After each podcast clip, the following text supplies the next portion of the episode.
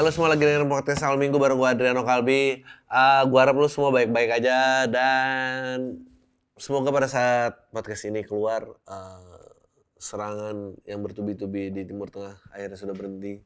Uh, itu aja sih. Uh, beneran semoga udah berhenti karena it, it got to a point di mana mengikuti aja tuh sulit. Uh, apa ya? Kayak uh, ya nggak tahu ya. Gue akhirnya ini kayak dilanda putus asa gitu. So uh, ya gue harap kita bisa nyelesain episode podcast. Uh, kita harus harus kelarin tuh karena ini komitmen podcast soal minggu itu. Nggak tahu sampai kapan. Oke okay.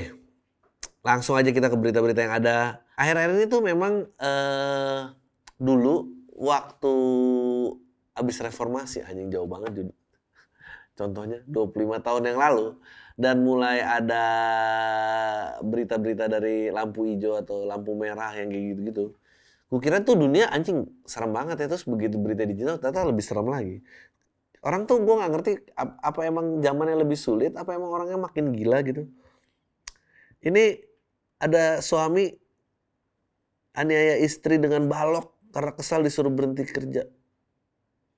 Kenapa? Kenapa dia disuruh berhenti kerja.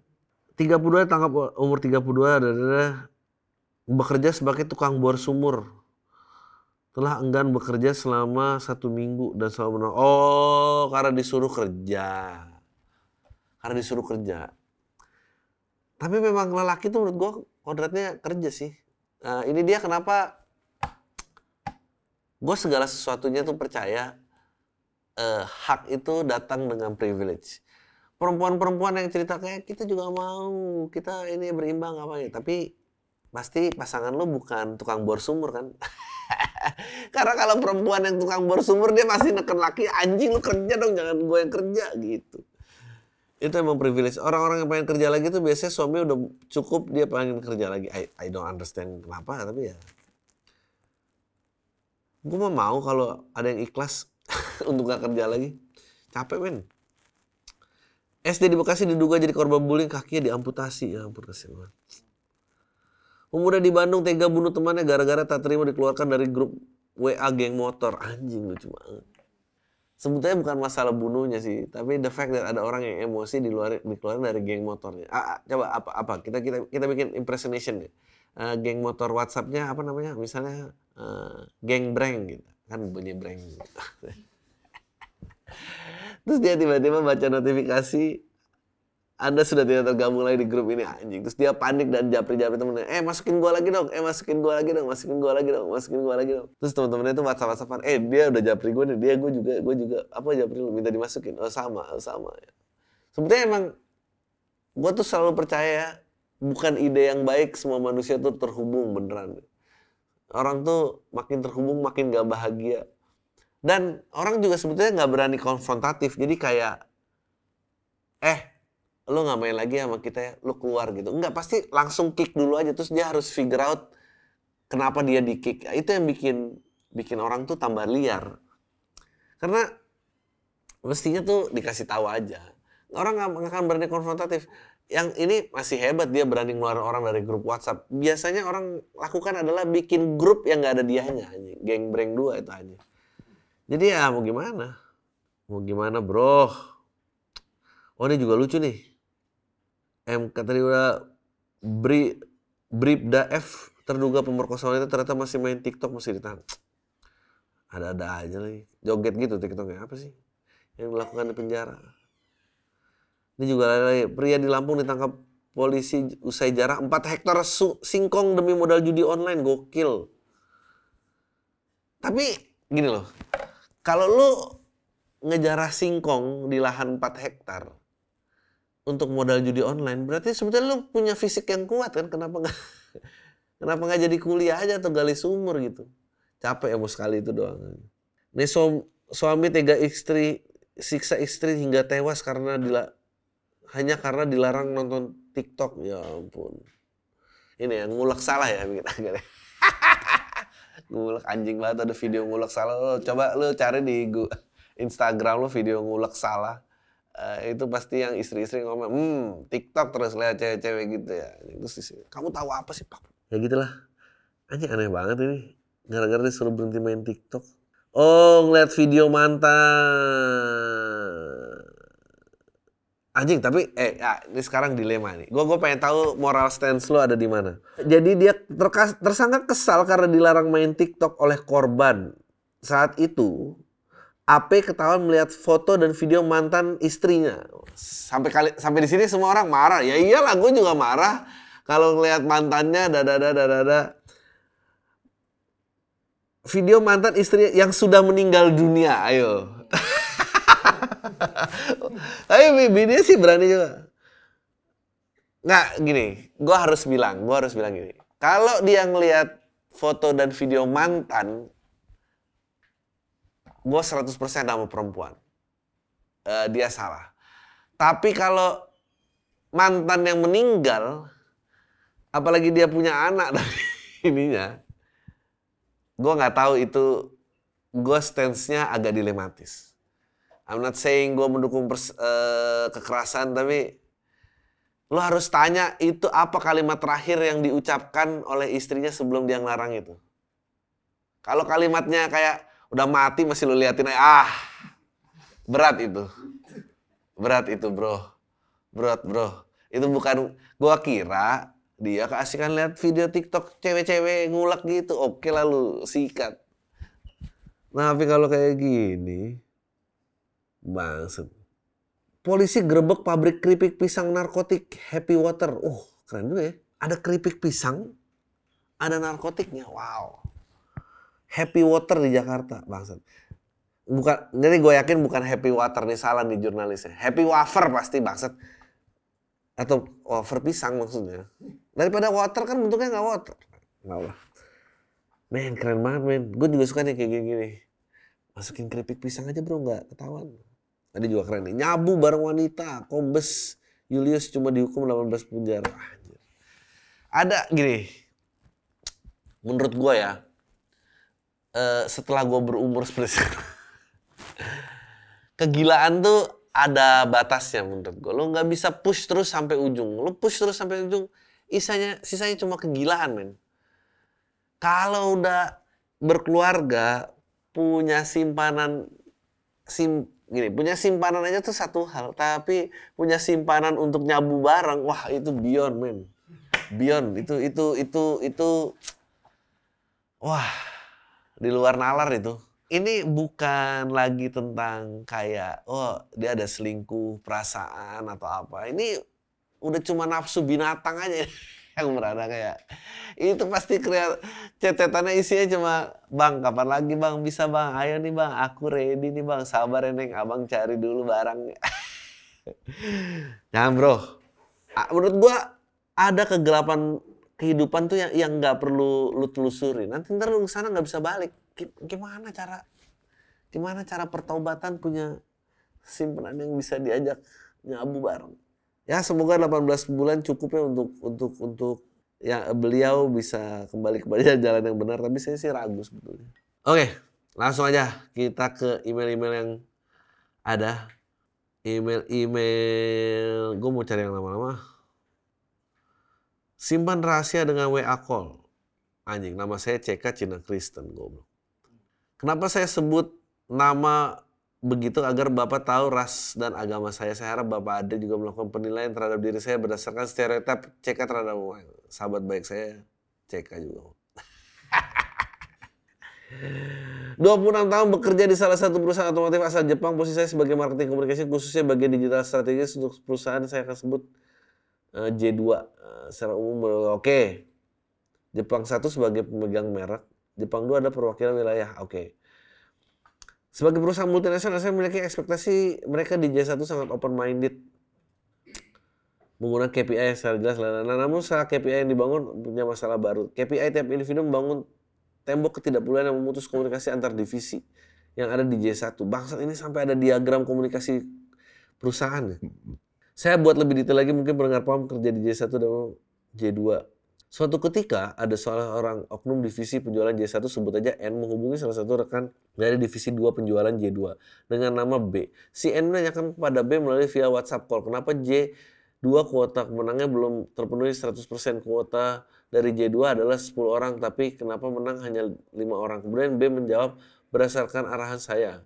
Oh ya, karena yang karena yang, yang memenuhi ketentuan hanya lima orang dan peserta lainnya tidak sesuai ketentuan. Si N meminta katanya boleh nggak bro dibantu yang ketentuannya tidak sesuai tipis-tipis tetap dimenangkan. Soalnya dana pemenang sudah cair semua. Sayang kalau tidak dihabiskan. Tolong dong ditanyain kepada divisi pemasaran jasa itu boleh dimenangkan atau tidak mereka yang kurang-kurang tipis. Dalam hati saya, oh ini masih sakit hati ya. Sebelum sih saya berpikir, jika saya tidak menuliskan sumber penanya utamanya itu si N dan si B melalui call, saya divisi J2 akan terlihat bodoh. Oke, terus apa? Fakta terungkap si N kerjanya nggak jelas. Oke. Kemudian saya anjing banyak banget gue nge-scrollnya banyak banget nih. Saya tidak sakit hati karena sebenarnya baru saja mengungkap kebusukan mereka depan umum. Karena tidak J1 juga tidak menanggapi lebih lanjut karena saya yakin kalau dilanjuti yang jelek mereka. Menurut Adi, apakah cara saya bertanya itu benar-benar tepat? Apakah saya perlu mengguncang mereka sedikit-sedikit kemudian hari agar mereka berbenah diri atau perlu kira-kira yang terbaik seperti apa? Gini, gua nggak perlu bener yang penting lucu gini. Gue sejujurnya ya, gue sejujurnya jadi orang. Gue tuh sangat sangat tidak suka konfrontasi. Jadi e, prinsip hidup gue adalah mendingan gak pasti daripada udah pasti tai. Jadi gue akan resign gitu. Gue tuh tidak um, gue tidak punya uh, mental-mental melakukan perubahan, perbaikan, mencegah keborokan apa dan segala nggak bisa gue. Kalau perusahaannya sudah begitulah adanya, kayaknya emang udah ya udah gitu aja. Percuma ada kayak gitu. Uh, sumber hidup gue juga jadi selalu sakit hati.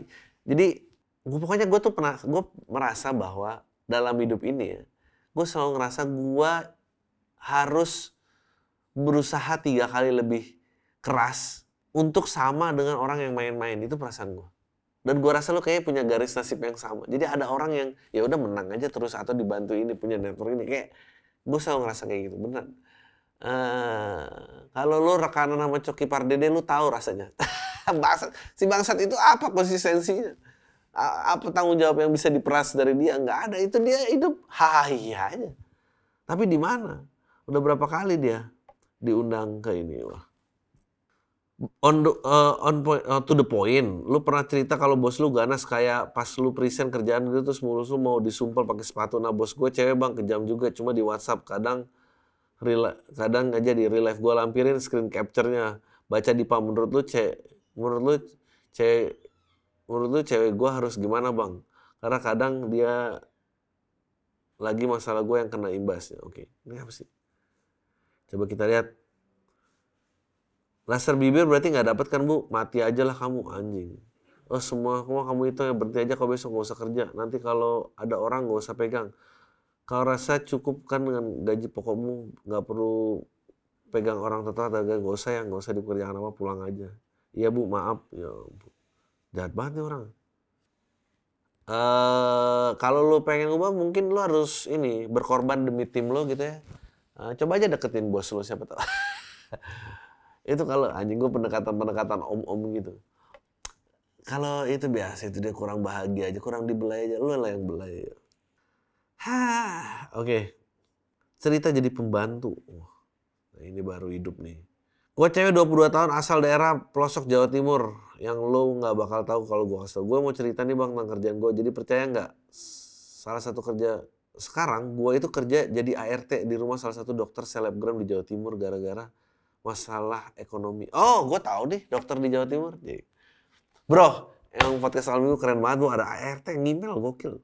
Di masalah keluarga gue, maksa gue harus bertahan. Mas gue kayak tai bang sekarang yang ada di rumah kelilit utang di bank sama pacar yang sebenarnya utangnya sih buat usahanya dia cuma dia itu terus-terusan kabur dan gak bertanggung jawab gitu loh sampai ada beberapa penagih utang datang ke rumah nagih ke semua anggota keluarga termasuk gue nah ini bang yang bikin ibu gue stroke-nya kambuh anjing dan kondisinya makin parah karena tanah satu-satunya yang punya bapak gua harus dijual. By the way bapak gua pengangguran sekarang jagain ibu gua. Tapi kalau buat makan dia bisa lah nanggung barangannya sama mas gua yang nyebelin itu. Gue tuh ceritanya udah kuliah dadada oke. Okay. Sih gue benci banget sama duit. Kenapa semua butuh-butuh duit? Apa-apa butuh duit.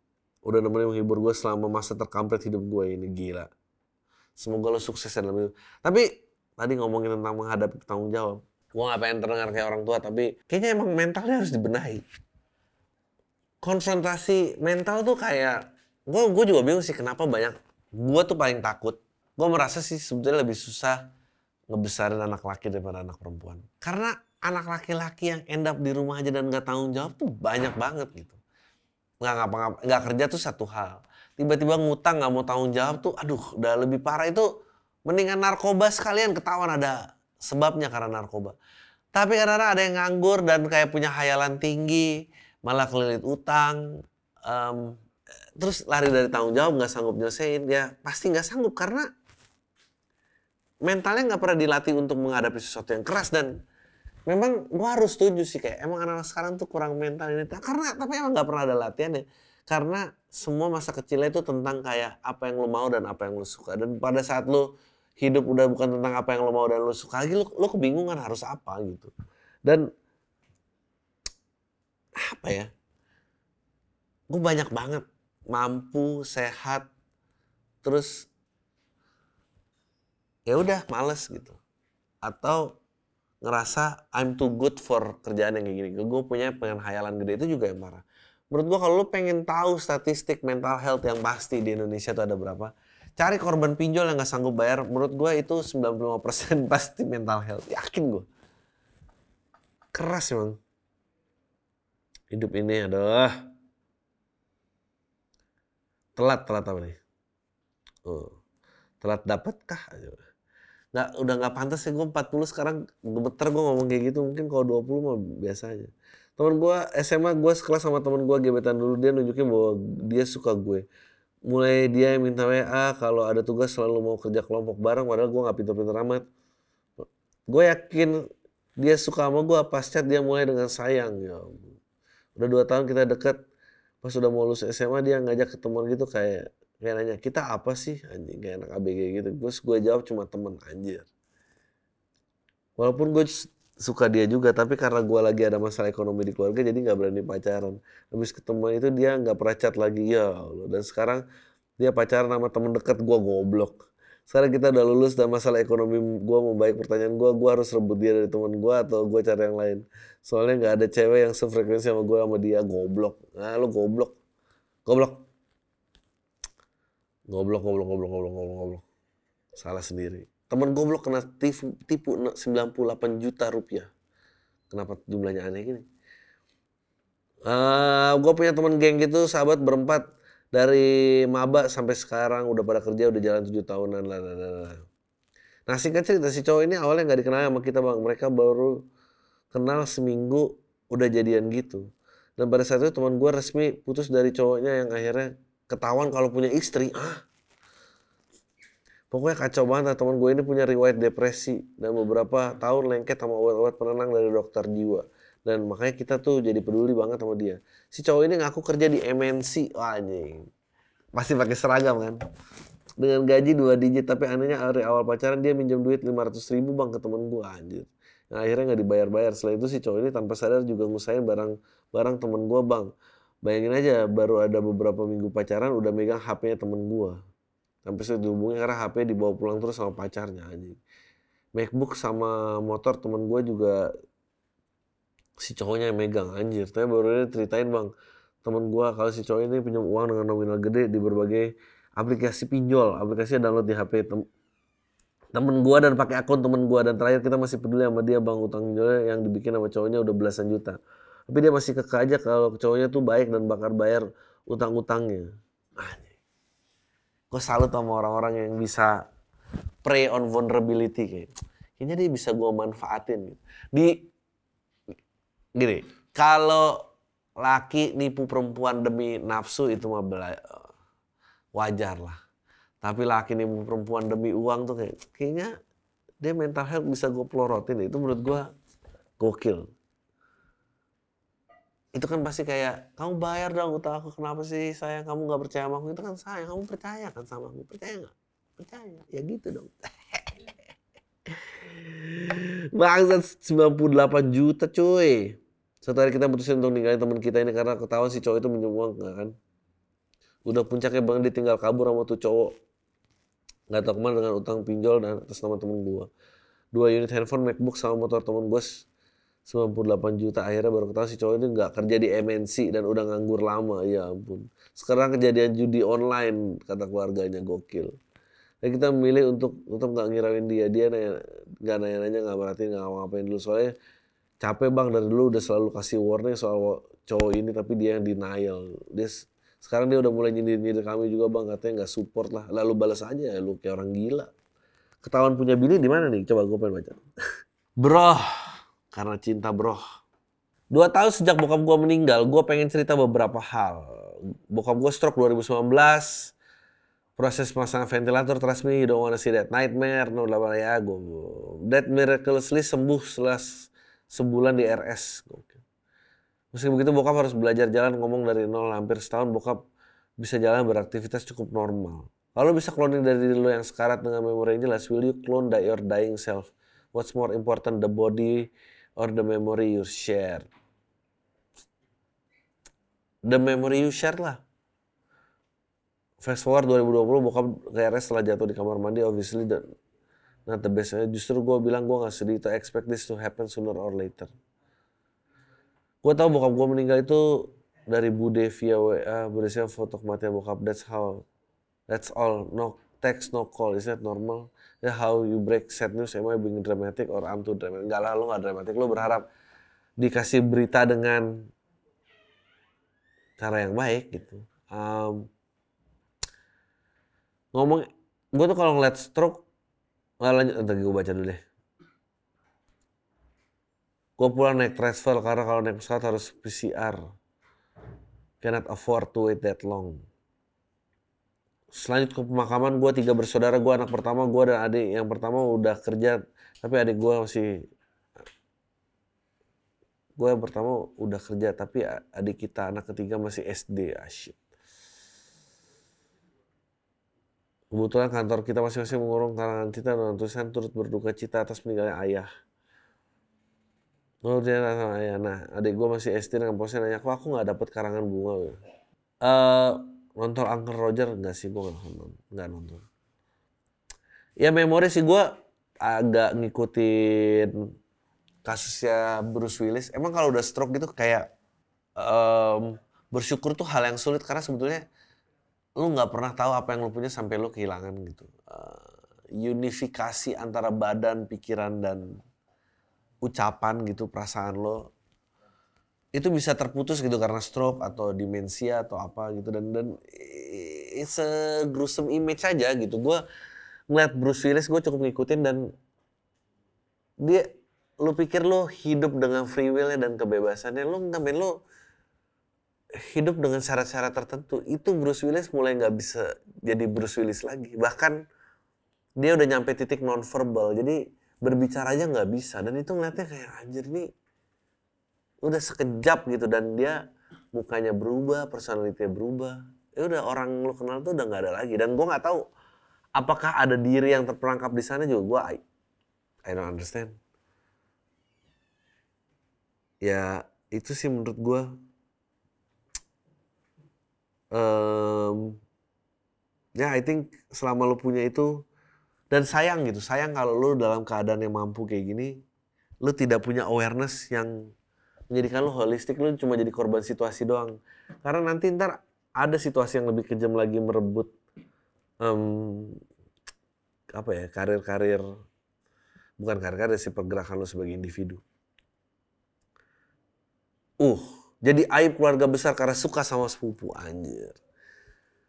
Mahasiswa yang hidup di lingkungan keluarga yang agamis dan gua doang yang sekolah di keluarga besar gua. Gua butuh saran lu bang buat bikin joke dari masalah gua ah dari masalah suka sama sepupu anjing. Joknya adalah gue sih pinter di sekolah doang ternyata ilmu begini gue nggak pinter. Udah tahu nggak bisa goblok lu. Gue udah berani ngomong langsung ke sepupu gue di mana gue tahu bakal ribet. Hah? Karena akhirnya karena budaya di kampung gue nggak jadi tuh nikah nikah sepupu gue ah bro ngapain bro nikah sama sepupu? Gila kali lo jadi otomatis bakal jadi musuh keluarga gue ketika ngomong ke sepupu gue dan bener setelah gue ngomong terlepas dari dia balas seneng apa enggak ke gue dan pada akhirnya dia marah ke gue dengan singkat cerita keluarga tahu. Dan di situlah kumpul-kumpul keluarga gue selalu disisin kayak bully gitu. Anjing banget. Ya gue juga kalau jadi keluarga lu gue singkirin. Maksud lu bisa memangsa keluarga sendiri? Ya gue juga takut lah. Di sisi sendiri kayak dibully gitu sama keluarga saya anjing damage-nya segitunya ternyata gue nggak kuat padahal cuma gara-gara suka sama sepupu gue doang dia anggap gue aib keluarga sendiri. Hah? Kalau mencari pembelaan sih? Gue anjing gue harus harus meluruskan logika ini dari mana? Cuy ya itu memang tabu cuy. Orang wajar banget kalau sepupu lu kaget pada saat lu bilang suka. Anjing aneh banget sumpah. Selingkuhan gak pernah rugi. Gue laki-laki umur 23 tahun dan gue pengen cerita kisah gue jadi selingkuhan. Gue pernah di di DM sama cewek pas masih SMA dia nge DM minta antar pulang padahal gue nggak pernah ada riwayat chat sama dia sebelumnya berhubung gue lagi jomblo gue manfaat manfaatin momen ini untuk dapetin cewek gue nggak nganterin dia dengan alasan gue sibuk sebenarnya santai di rumah tapi kayak malas gitu bang nganter anak SMA yang gue belum pernah temui akhirnya gue lanjut chatan sama dia dan ternyata dia punya cowok dan gue udah sempat mundur tuh bang karena ngapain? Gue deketin anak SMA gitu. Gue nggak butuh-butuh banget kontekan. Butuh-butuh banget contekan anjing. Pertama dia punya cowok yang udah bikin gue malas. Tapi niat gue mundur terbatalkan karena keluhan dia soal cowoknya bang. Peluang pun terlihat. Sampailah beberapa minggu gue gue beranikan diri untuk ngajak dia check in. Dan ternyata dia mau. Saya gue cekin sama dia esok harinya seperti cewek SMA pada umumnya yang khawatir akan kehamilan dia minta semua pertanggungjawaban kalau dia hamil bang karena gue lelaki yang tahu pasar anjing gue jual harapan untuk menikahinya dia selesai SMA dan dia ambil harapan itu singkat cerita dia nggak hamil dan lulus dari SMA dia putusin cowoknya dan gue kayak dapet sebuah pola bahwa posisi cowoknya harus gue nih yang gantiin anjing. Tapi karena gue nggak ada rasa jatuh cinta sama dia beribu-ribu daya gue mencoba untuk menjauh supaya nggak rugi nantinya goblok. Akhirnya gue nggak ada komunikasi lagi sama dia dan gue dengar kabarnya dia punya pacar. Nah, nah pikiran gue ngerasa gue untung bukan gue ngerasa untung bukan dari gue berhubungan seksual dengan dia mah gue tau ngerasa untung karena gue baru mengetahui bahwa abangnya si cewek ini masih di bawah gue aja? Mana dia masuk ke dalam komunitas gue lagi anjing. Parahnya lagi abangnya ini jelek banget bang attitude-nya anjing. Bisa dibilang orang yang paling gue nggak suka setelah Aldi Tahir anjing. Gue gue kilas balik anjing gue kalau bisa jadi nikah sama tuh cewek ah kejauhan. Menurut lo gimana bang? Gue untung apa rugi? Menurut gue lu norak. Menurut gue norak anjing. Ya lu juga ya kalau misalnya gak cinta ya udah pacar gitu cabut aja gak usah jelek-jelekin abang gitu. sebelah kayak Aldi Taher orang juga tahu kalau tahu cerita lu juga orang sebelah emang udah itu aja thanks semua